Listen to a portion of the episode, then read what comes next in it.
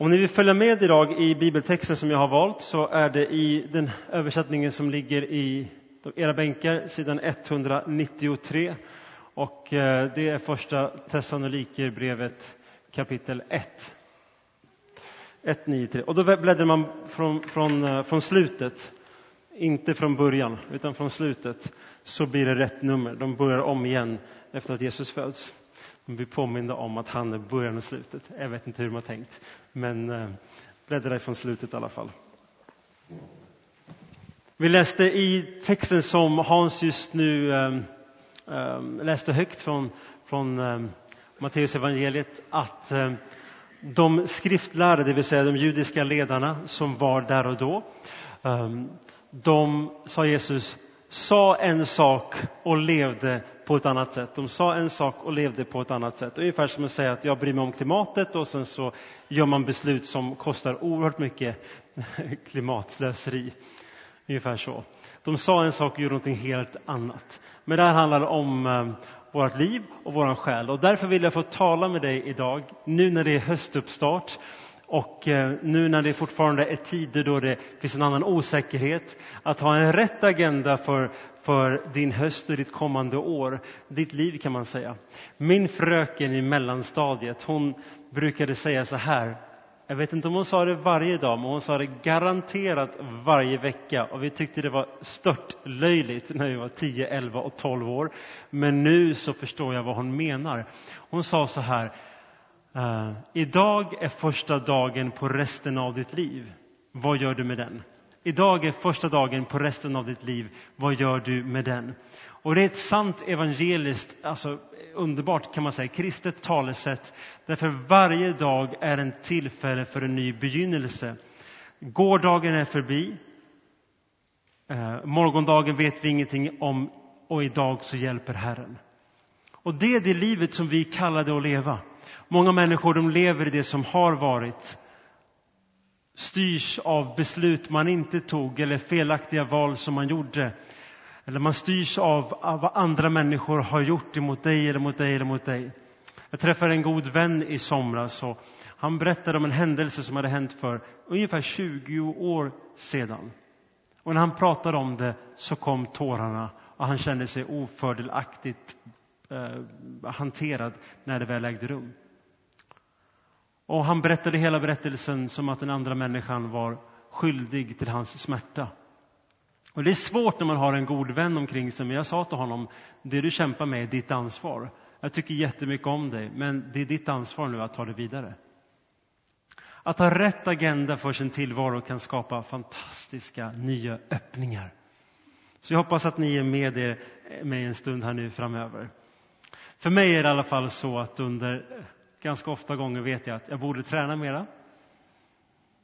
Jag borde äta nyttigare mat. Jag berättade för några vänner nyligen här att jag haft en väldigt dålig kvällsvana. Och den försöker jag nu fasa ut så gott det går. Och det var att på kvällen när alla gått och lagt sig, då är jag vaken en timme till. Och då så öppnar jag upp en colaburk, tar fram oliver och chips.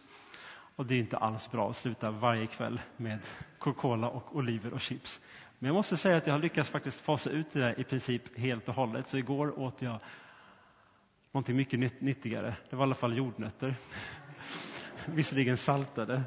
Men så la jag ner russin och det säger också andra att det är dåligt.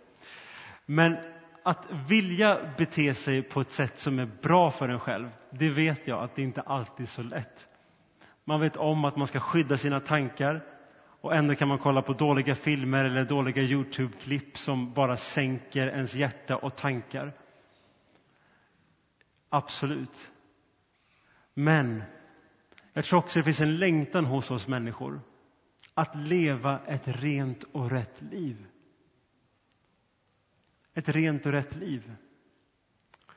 Jag är övertygad om att alla människor söker en väg där man upplever att man lever i harmoni och i frid. Att man vaknar utan oro att någon ska veta vissa saker man har gjort eller tänkt. Man vill leva ett liv där i teorin skulle vem som helst kunna komma in och öppna ens byrålådor och garderober och, och så vidare. Att leva ett liv som är utan att jag behöver täcka upp för någonting. Utan att det man ser, det är sanningen om vem jag är.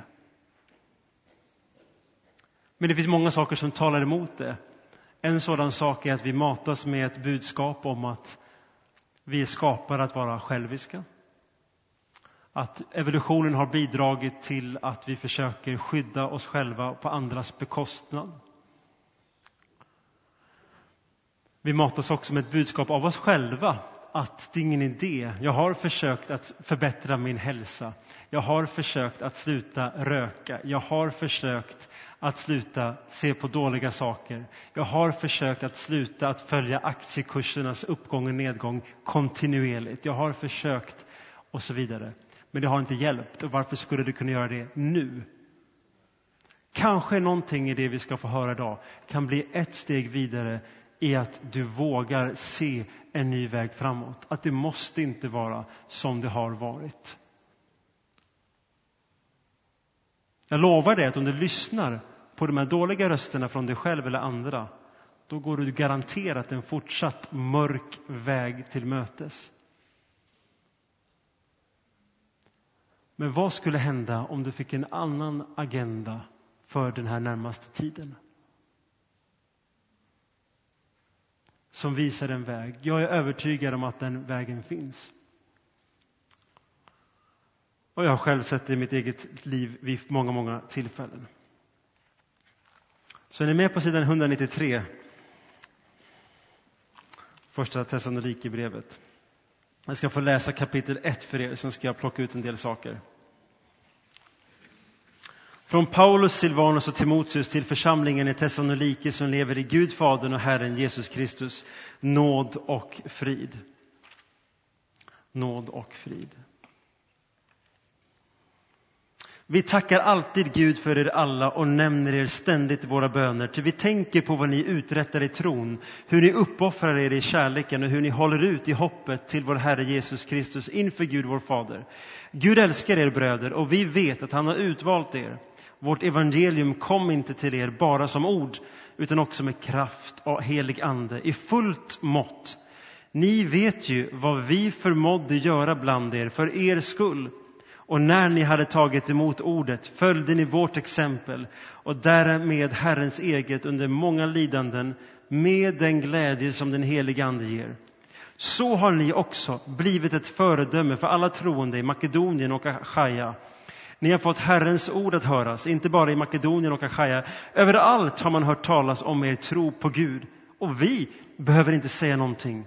Alla berättade av sig själva om vad vårt besök hos er ledde, hur ni vände er från avgudarna till Gud för att tjäna den levande och sanne guden och vänta på att hans son, som han har uppväckt från de döda, ska komma från himlen, Jesus som räddar oss från den stundande vredesdomen. Och som vi läste här, alla berättade av sig själva vad vårt besök hos er ledde till. De var med om en stor förändring som gav återljud till människor långt omkring. Det första jag vill få tala med dig idag och med er det är att leva med en intention. Leva med en intention. Vad är en intention? Det är en riktning, det är ett beslut att jag är på väg åt ett visst håll. Jag ska visa en bild på en kille som heter Jan Bolmesson. Här ser ni honom. En del av er kanske känner till honom. Han är en av Sveriges mera kända privatekonomirådgivare som gör det pro bono. Och han har en blogg som heter Rika tillsammans. Jag tror att han är, han är lite äldre än vad jag är, passerat någonstans runt 40 tror jag. Och hans bakgrund är följande. När han var i 20-årsåldern så började han satsa sina pengar på aktier och det gick hur bra som helst. Han lyckades till och med också eh, några år innan få sin gymnasieklass som han gick i att satsa klasskassan i aktier. Och eh, han tjänade ganska mycket pengar med de tidens mått mätt som han hade att röra sig med. Och så kom IT-bubblan som han drabbades av runt år 2000 ungefär. och kanske var det tidigare. Och han tappade allting. Tillbaka på noll. Det gick det några år och han blev sedan också Eh, student och studerade mer av ekonomi och han insåg att det här kan man greja, det kan inte vara så svårt. Och så började han satsa pengar igen på aktiemarknaden och börsen och det gick jättebra. Fram till finanskrisen 2008 och han tappade alla pengar återigen. Och han tänkte så här, nu ger jag upp på pengar. Jag vill inte ha med det här att göra, det bara försvinner ju. Men istället så vände han inriktning och han började läsa på allt han kunde komma över om långsiktigt sparande och framgångsrikt sparande. Och han insåg att han hade på helt fel sätt. Och han startade en blogg och ingen visste vem han var. Och nu är han ekonomiskt, helt ekonomiskt oberoende och mångmiljonär och delar med sig av alla sina tips som han har för vanliga småsparare. Och hans absolut största råd är att satsa långsiktigt i en lågräntefond så löser sig resten. Strunt i allt vad aktier heter, det är bara bluff och båg i princip. Ingen kan veta hur det kommer gå. Utan ta det lugnt, tänk långsiktigt, jaga inte pengar och du kommer sakta få någonting att växa. Och vad är poängen med det här? Jo, ibland så hör man om människor som lyckas väl, exempelvis den här mannen då, Jan. Och så säger man, åh, vilken lyckost! Oh. Men han var ingen lyckost.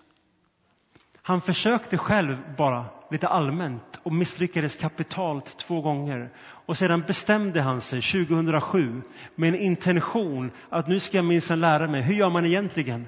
Och han bestämde sig för att ta reda på hur gör man så att man lyckas. Och han lyckades och han delade med sig av sina saker till andra människor. Ibland kan man se vissa människor som har ett väldigt lyckligt äktenskap. Och jag vet om att världen är mer komplicerad än så. Och för er som känner min familj och mina släktingar så jag har full förståelse för komplexiteten som finns. Men ganska många par de har inte bara råkat bli lyckliga tillsammans utan det grundar sig i beslut och överlåtelser på olika sätt. Många par har också talat noga om hur de förhåller sig hos varandra.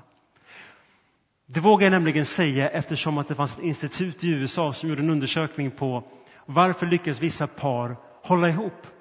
Och de upptäckte att det var inte slumpen som styrde vilka par som klarade att hålla sig ihop. Utan de par som lyckades hålla ihop hade utvecklat, ibland medvetet, ibland av en händelse bara, goda sätt att samtala med varandra så de kunde hantera de fem, sex största problemen som par regelbundet har konflikter om. Och jag har varit gift nu i 12 år, så jag vågar i alla fall snart säga, ge lite råd. Och de klassiska områdena är ekonomi, barnuppfostran, svärföräldrar, semestrar, eh, sexualsamliv och sen så var det något till. De har en intention, vi vill lyckas med det här. Vi vill lyckas med detta. Jag och Sara har ett väldigt bra äktenskap eh, just nu. Men vi har många gånger fått kämpa med olika saker, jobba med hur vi fungerar tillsammans. Vi har gått på en och annan äktenskapskurs ihop också och fått ibland support utifrån. Det har stärkt oss. Det har inte bara råkat bli, det har varit en följd av en intention. Om jag nu skulle varit en biff och varit jättevältränad och haft snygga muskler här och var på badstranden, då skulle väldigt få tänka om mig då. Vilket nu tyvärr inte riktigt är fallet. Vilken lyckost! Han är som en trekant och har superhälsa. Och han har bara liksom fått det så. De allra flesta människor som har en god hälsa har fått det för att de har tänkt på hur de äter i förhållande till hur de rör sig. Eller hur? De har inte bara lyckats, de har haft en intention. Men det viktigaste som vi har, det är inte vår hälsa, utan det är vårt hjärta, säger Bibeln. Av allt du må bevara så är det ditt hjärta. Och då har jag en fråga till dig, att, eller en uppmaning, att sätta ut en intention att säga jag ska bevara mitt hjärta. Jag ska bevara mitt innersta. Den längtan jag har, den renhet jag söker efter. Det är det absolut viktigaste. Jag ska inte bara som många gör se vad som händer. Ja, vi ser väl vad som händer. Ja, vi ser väl hur det går på börsen. Jag äter mina chips, jag äter mina oliver och dricker min Coca-Cola och rör inte på mig. Ja, vi får väl se vad som händer. Bibeln är fylld av nåd, att Gud frälser oss. Men om vi får leva ett liv som är också där vi inte går i svårigheter som vi inte behöver gå, utan som vi läser förut, på jämn mark, då krävs det någonting. Och vad är det? Att vi vill följa Herrens väg för vårt liv. Du vet den här bibeltexten jag läste för er, och vi läste som ni hörde alldeles nyss från första Thessalonikerbrevet. Jag vill bara lyfta upp några korta saker. Vers 3 så står det så här, vi tänker på vad, vad ni uträttar i tron, hur ni uppoffrar er i kärleken. Ser ni, det är medvetna beslut. Det är inte bara råkade vara, utan de bestämde sig för att göra någonting, att ge av någonting till någon annan. Och i vers 6, ni följde vårt exempel. Vers 7, ni har blivit ett föredöme. Vers 8, ni har fått Herrens ord att höras. Vers 9. Ni vände er från avgudarna. Tjäna Gud, den levande sanna guden. Och därför vill jag få uppmuntra dig, inte som en pålaga att du måste gå den här vägen, men att sätta ut en intention för det här året som ligger framför dig och framför allt den här hösten som ligger framför dig. Vad tittar du på? Hur hanterar du din lediga tid? Vilka beslut tar du? Jag och min fru håller just nu på att se över våra barns aktiviteter, vad de ska göra och inte få göra. Vi frågar dem vad de önskar och vi vet lite grann vad som finns. Men sen har hon och jag rådslag hemma. Hur skapar vi en hälsosam familj? Och det innebär också att jag och min hustru behöver ha energin att visa våra barn att vi älskar dem. För Bibeln säger att mitt uppdrag är att inte reta upp mina barn. Barnens uppdrag är att respektera sina föräldrar. Men om jag är trött, om jag är grinig, om jag är stressad hela tiden så är det betydligt lättare, vad då? Att reta upp mina barn. Så när vi sätter veckoschemat gör vi det med en intention att skapa andlig hälsa i vår familj. Många människor säger vi ser vad som händer. Skriften ger dig en fantastisk väg att du behöver inte se vad som händer på ett negativt, ödesmättat sätt, utan du kan i förtröstan leva i glädje och frid att han har en väg för dig.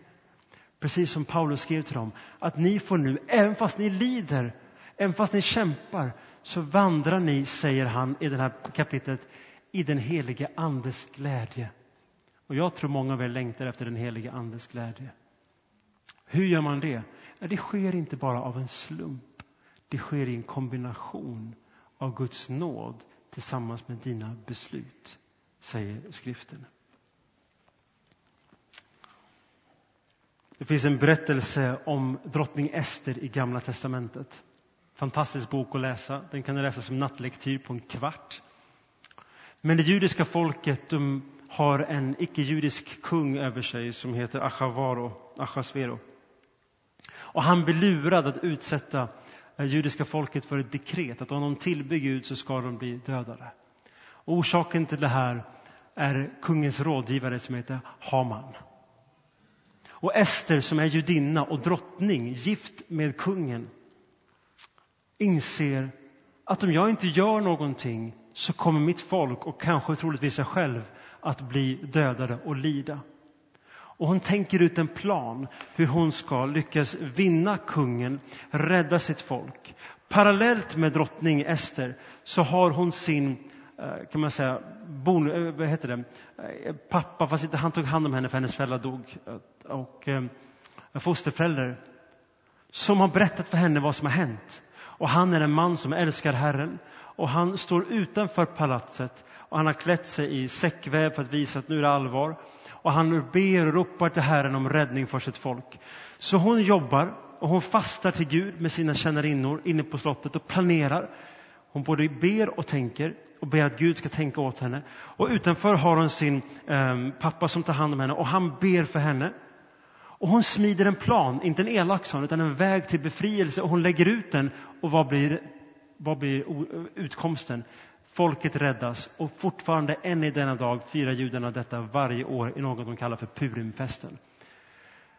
Det var inte bara vi ser vad som händer. De bad inte bara Gud, låt din vilja komma nu och låt din nåd finna här och rädda vårt folk. Utan de bad Gud att ge dem mod att göra det som är rätt och de agerade med en intention och de fick en seger till slut tack vare det.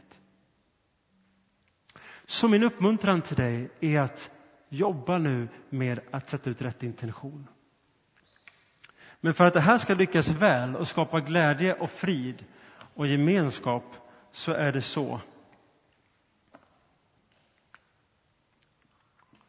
att vi uppmanas att leva med den helige Ande, i gemenskap med den helige Ande.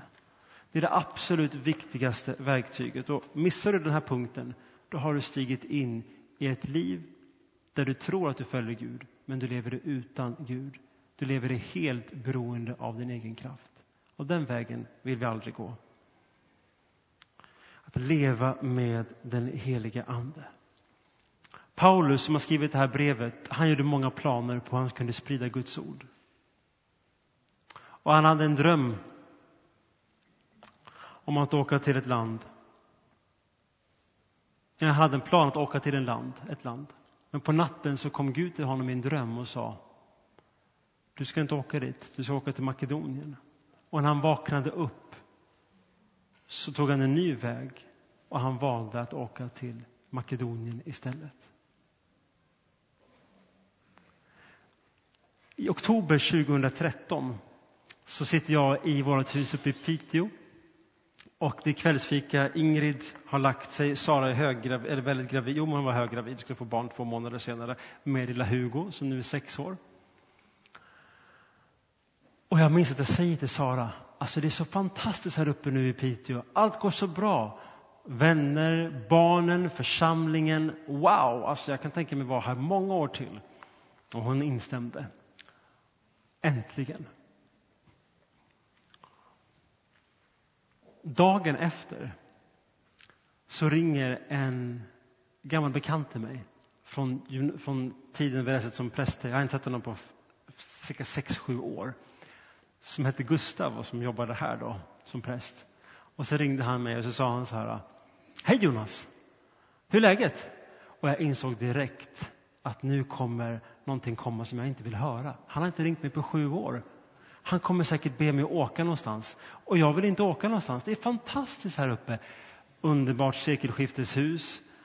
Församlingen växer, familjen mår bra. Jag hade precis sagt dagen innan, för första gången. Det är så underbart här uppe nu. Du, jag tänkte på en sak. Eh, har du sett att vi har en tjänst ute i Örebro? Jo, sa jag, men det är ingenting för oss. Nej, men du vet, vi har haft, vi har haft utlysta ett par gånger här nu. Vi har inte riktigt landat i någon bra liksom, ansökan. Kan inte du söka? Jag har fått tillåtelse att ringa dig. Kan inte du söka? Och jag kände sån vånda. För jag ville inte. Missförstå mig rätt nu. Det var på ett helt annat plan. Men tajmingen var så jobbig. Dagen före, allt är underbart, vi kan vara här länge. Dagen efter ringer han. Guds timing. Och vi sätter igång en process. Och vi har en lång historia kort med massor med spännande händelser som inte jag ska tråka ut er med nu. Så kom vi hit. Och visst har det varit fantastiskt. Vi känner oss så glada och välsignade över detta. Och det här säger jag inte på att på något vis manipulera eller något. Jag bara säger att jag upplevde att Gud ledde mig en väg som var annorlunda än den som jag själv hade tänkt. Och så kan det vara i vårt liv också. Att du kanske har en plan, du lever ditt liv så här, du har de här besluten i din vardag, så här prioriterar, prioriterar du din tid. Sen upplever du att den helige Ande knackar lite på axeln och säger Du, jag har en annan väg. Jag tror du ska gå vänster här. Jag tror du ska lägga om planerna på tisdagarna här. Jag tror att du behöver jobba med de här inställningarna på det här området. Nej, nej, men allt är så bra här nu. Då kan det vara så att han håller på att öppna upp en dörr in i någonting ännu större. För när du vandrar Guds väg, då får du vandra i den glädje, säger Bibeln, som den helige Ande ger. Om du går din egen väg fast du förstår att han vill att du ska göra så, då kommer du få vandra i den glädje som du själv ger dig. Och den kan vara stor. Men att få vandra i den glädje som den helige Ande ger, det är stort. Och därför kommer jag och min hustru planera våra barns aktiviteter, vårt veckoschema tillsammans med den helige Ande. Vad innebär det? Ja, till att börja med så kan man börja be om att Guds vilja ska ske och att han ska ge oss mod att fatta rätt beslut och att överlåta vår tillvaro till honom. Jesus säger att anden blåser vart den vill. Du hör den blåsa, du ser träden vaja i vinden. Du vet inte vart ifrån den kommer, du vet inte vart, vart den är på väg. Och vet du, vill du leva ett liv i den heliga Andes gemenskap, Då behöver du ställa dig själv de här frågorna. Den här frågan. Vilka bopålar kompromissar eller förhandlar du inte om? Vad menar jag med det? Tittar jag på mitt liv så finns det vissa saker som jag har jättesvårt att förhandla om. Att överväga att de inte skulle vara så. Jag har liksom bestämt mig för det. Vissa sådana kan vara goda. Men ibland kan vi ha en del bopålar som Herren kallar dig att inte ha längre. Och om du inte tillåter dig gå i, i samtal med honom om dem, då kan du inte heller komma vidare.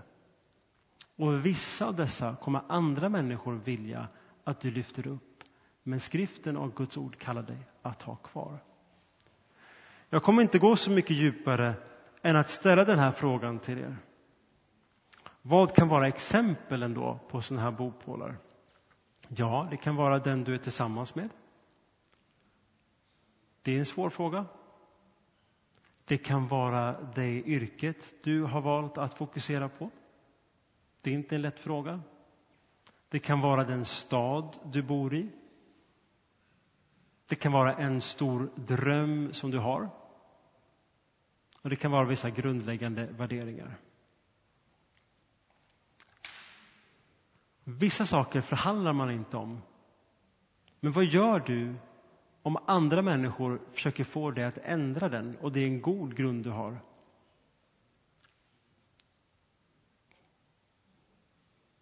Jag minns när jag var liten så snattade vi ibland i butiker. Inte bra. Det var ganska oskyldiga saker. Jag visste att det var fel, men mina kompisar fick mig in på fel vägval. Men det finns mycket större sådana saker. Där är frågan ganska viktig. Och har du saker och ting, så ställ frågan till Herren och börja samtala med honom. För oss var ett exempel att lämna Piteå när vi gjorde det för att komma hit, en sådan bopåle. Vi visste väl att troligtvis någon gång så ska vi inte vara kvar i Piteå tills vi dör. Vi trodde inte det. Jag hade ingen tanke på att det skulle ske där och då. Och den bopålen satt ganska djupt upplevde jag. Och det tog flera månader av bön och samtal med Herren innan jag kunde släppa taget från det. Jag minns precis när det ägde rum. Hänger ni med? Men det gäller också vår karaktär, vårt liv med Kristus. Bibeln säger som vi har i kapitlet i vers 5 här att vi får kraft av anden och vi vandrar i den helige andes glädje. Vi får kraft av anden och vandrar i den helige andes glädje.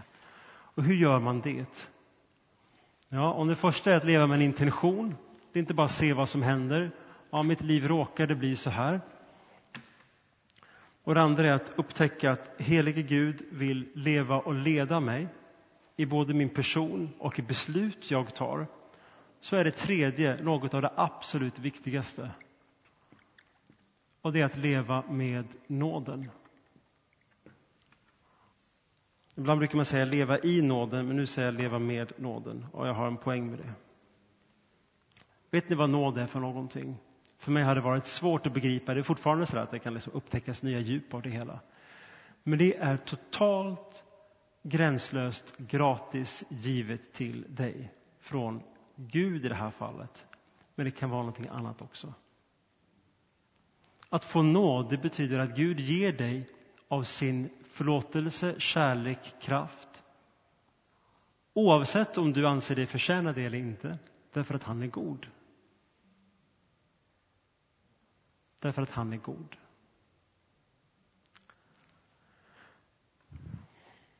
Här kommer en sann berättelse. Inte för att de andra var påhittade. Men det fanns en far och en son. Och jag minns inte om det är Frankrike eller Italien. Som hamnade i stor konflikt med varandra och de skildes åt. Och de sågs inte på många år, även om de bodde i samma stad. Och de bodde i en större stad. Och till slut så kom fadern till insikt att han ville nå försoning med sin son.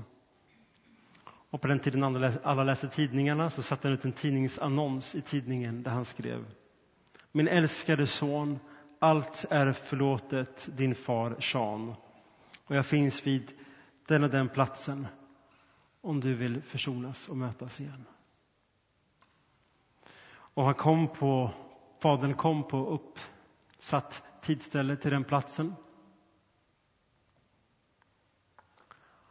Och där stod det inte bara en ung man, utan många unga män som längtade efter försoning med just sin far. Många människor söker efter nåd och efter helande och efter kraft och en ny väg framåt. Jag är garanterat en av dem. En av de sista verserna i Thessalonikerbrevet i 5.23 så står det så här att må han som är fridens Gud helga er helt igenom. Må han som är fridens Gud helga er helt igenom. Hur mycket säger det vad du ska göra där? Ingenting, va? Må han, Gud, helga er, det vill säga förlåta er, upprätta er, ge er ny kraft, nytt mod, ny inspiration och en nytt beslut att våga gå. Må han, som är fridens Gud, och frid söker människor, helga er, det vill säga göra er Kristuslika, göra er rena. Hur då? Helt igenom. Vad har du gjort? Han har gjort det. Och det är den här nåden att inse att han som har skapat mig, han som har lagt drömmen i mig om att gå höger fastän jag alltid har gått vänster. Att inte äta för att göra det förlöjligat med minska exemplet så det blir lite enklare. Dricka Coca-Cola och äta chips på kvällarna. Till att sluta upp med att äta morötter och mineralvatten, vilket jag faktiskt har gjort ibland för att komma ur detta. Han som har gjort det, han kommer att åsamka, han kommer genomföra det inom mig. Och det är därför man kan säga, ja, men jag har försökt tidigare, det har inte gått. Jag har försökt tidigare, men andra sätt inte går. Jag har försökt tidigare, men nu ska den helige Ande få försöka istället. Det är det andra alternativet som man kan ha. Och när du börjar samtala med Herren om allting i din karaktär och dina drömmar och dina beslut så ska du få se något nytt komma fram. Glädjen i gemenskapen med den helige Ande. Om än det är svårt, om än det är ovisst och du kan få starta den här hösten på ett sätt som kan ge dig välsignelse och människor omkring dig välsignas genom att de ser vad du gör. Så hur kan du få en rätt agenda? Jo, det är genom att leva med en intention. Nu tar vi beslut som går i rätt riktning. I ledning av den helige Ande och med nåden. Därför nåden är i slutändan en person, Jesus Kristus.